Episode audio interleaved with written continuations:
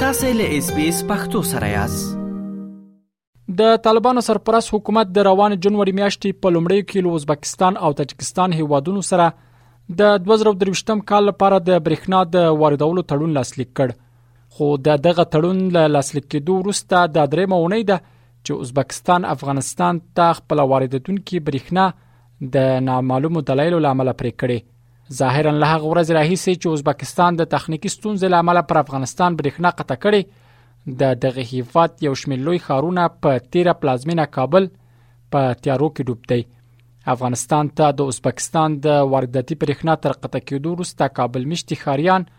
په 4 ساعتونو کې تر یو ساعت برېښنا هم نه لري د چاري په دې سوړ ژمي کې د کابل خاریانو ژوند تریخ کړی او هم یې د روغتونونو په ګډون ګڼ د خدماتي سکتورونو چارې ټکنې کړې دي د کابل ښار اوسیدونکي عبدالقدوس ازبیس رادیو ته وویل چې د برېښنا دوامدار پرچوي یې ورځنی ژوند اغیزمن کړی دی هغه ویل په کابل ښار کې د برېښنا پرچوي په بېمخینه توګه زیات شوې دي او په وینا یې له تیرو دریو اونۍ را پدې خوا په هر څلورو ساعتونو کې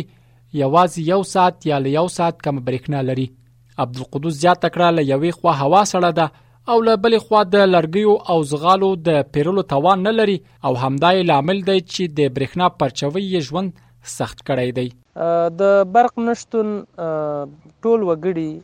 له یو لړ مشکلاتو سره مخامخ دي ځکه پخوا ښه وو د ورځې به دوه ساعته درې ساعته برق وو اوس یو ساعت هم نه پوره کوي نو دغه حالات ډېر ځورېدونکي دي ځکه هوا هم سړه شوې ده ځکه سړی بخارۍ استفاده کوي یا ګرمې اوبه استعمالوي نو دغه حالاتو سره موږ ډېر په ستونزه کې راګیر خلک یاستو ځکه دلته موږ اکثره دغه د برقي بخاریو نه استفاده کوو هغه بخارۍ نه لرو چې هغه خسو باندې مخکې ځي دغه ستونزې ډېرې ځورېدونکې دي او موږ له دې نه ډېر ځورېږو په کابل ښار کې د برېښنا نشتون د نور ستونزو سربېره د اوبو رسونې سیستم هم ګډوډ کړی دی د کابل ښار اوسیدونکو عاشق الله اس بي اس رادیو ته وویل چې د برېښنا نشټون لامل د اوبو له کمښت سره مخ دي هغه د طالبانو تر کنټرول لاندې له برېښنا شرکت څخه وغوښتل چې ژر تر ژره د برېښنا ستونزه هواره کړي کابل کې د برق نشتون موږ له ډېرو سختو حالاتو سره مخ کړي یو بخارۍ مو نشته سړه هوا ده واوري دي اوبه نه ګرمېږي د اوبو د کمښت سره مخ یو نو ډېرې د اوبو ته ورته او داسې نورې ستونزې دي چې موږ ورسره مخ کړي یو زموږ غوښتنه دا ده چې د برښنا ریاست باید په دې کې په نوو پلانونو کار وکړي تر څو موږ له برق نه برخمن سو واقعا چې برق نه وي په کابل کې او د کابل په څېر ولایتونو کې لکه موږ چې په ستونزو کې اچولي همداسې به نور خلک هم اچولي وي نو په کار ده چې په دې برخه کې غوره اقدام وشي او د برېښنا ریاست په دې برخه کې اړین اقداماتو ته پاملرنه وکړي د کابل ښار یو شمېر نورو اوسیدونکو هم د طالبانو له حکومت ته په تیره د برېښنا شرکت وغوښتل چې ژر تر ژره د برېښنا ستونزه حل کړي او له هغه هیوادونو سره چې د برېښنا تړونونه یې لاسلیک کړي فشار راوړي ترڅو ټاکل شوی برېښنا په منظم ډول افغانستان ته ورکړي زموږ له دولت څخه غوښتنه دا ده چې که هر څومره ژر چې کیږي دغه ستونزې ته د پای د ټکي ښودل پکار دي او له هغو هیوادونو سره چې د افغانستان د برېښنا ریاست تړونونه کړي ترڅو دوی باید له افغانستانه برېښنا قطع نه کړي په هغوی باندې یو ځل بیا فشار راوړي ترڅو د افغانستان لپاره په تړون کې شوې برښنا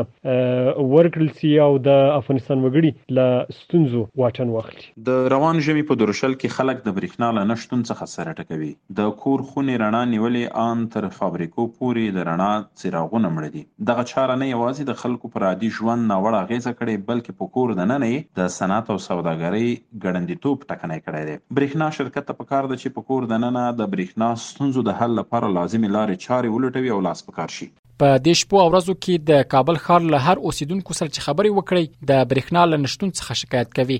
هغه وضعیت چې معلوم نه دی تر کله به دوام وکړي.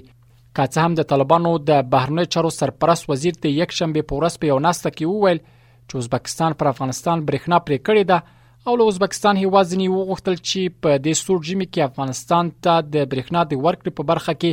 خپل کړې ژمنې عملی کړي خو د دې ډلې تر واکمنۍ لاندې بیا د کابل برېښنا رئیس مولوی حکمت الله خونزاده اس بي اس رادیو ته په یو تصویري پیغام کې وویل چې ازبکستان کې د تخنیکی ستونزې لامل په کابل او نور ولایتونو برېښنا پرې شوې ده نو موري په دې برخه کې خلکو ته ډاډ ورکړ چې له ازبکستان لوري سره په اړیکه کې دی تر څو رامنځته شوې ستونزه ژر تر ژره حل کړي. زموږ ستر لامل یعنی زموږ په عموم کې چې کوم مشکل ده د برق د نه شتون هغه تاسو ته معلوم ده د ازبکستان هیواد د تخنیکي ستونزه ده نو دغه اساسي مشکل ده چې زموږ له هغه طرفه برېښنا کمه ده او دلته اوس فی الحال موږ له دې مشکل سره مخ یو. موږ خلکو ته ډاډ ورکوو چې رهبري د برېښنا شرکت او د اسلامي امارت رهبري ټوله لګیا ده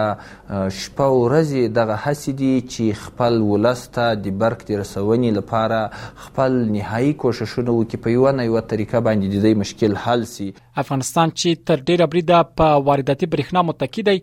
د خپل اړتیا پوره کولو لپاره 1400 میگاواټه برېښنا ته اړتیا لري افغانستان اوسمهال د خپل اړتیا وړ 202 میگاواټه برېښنا له ترکمنستان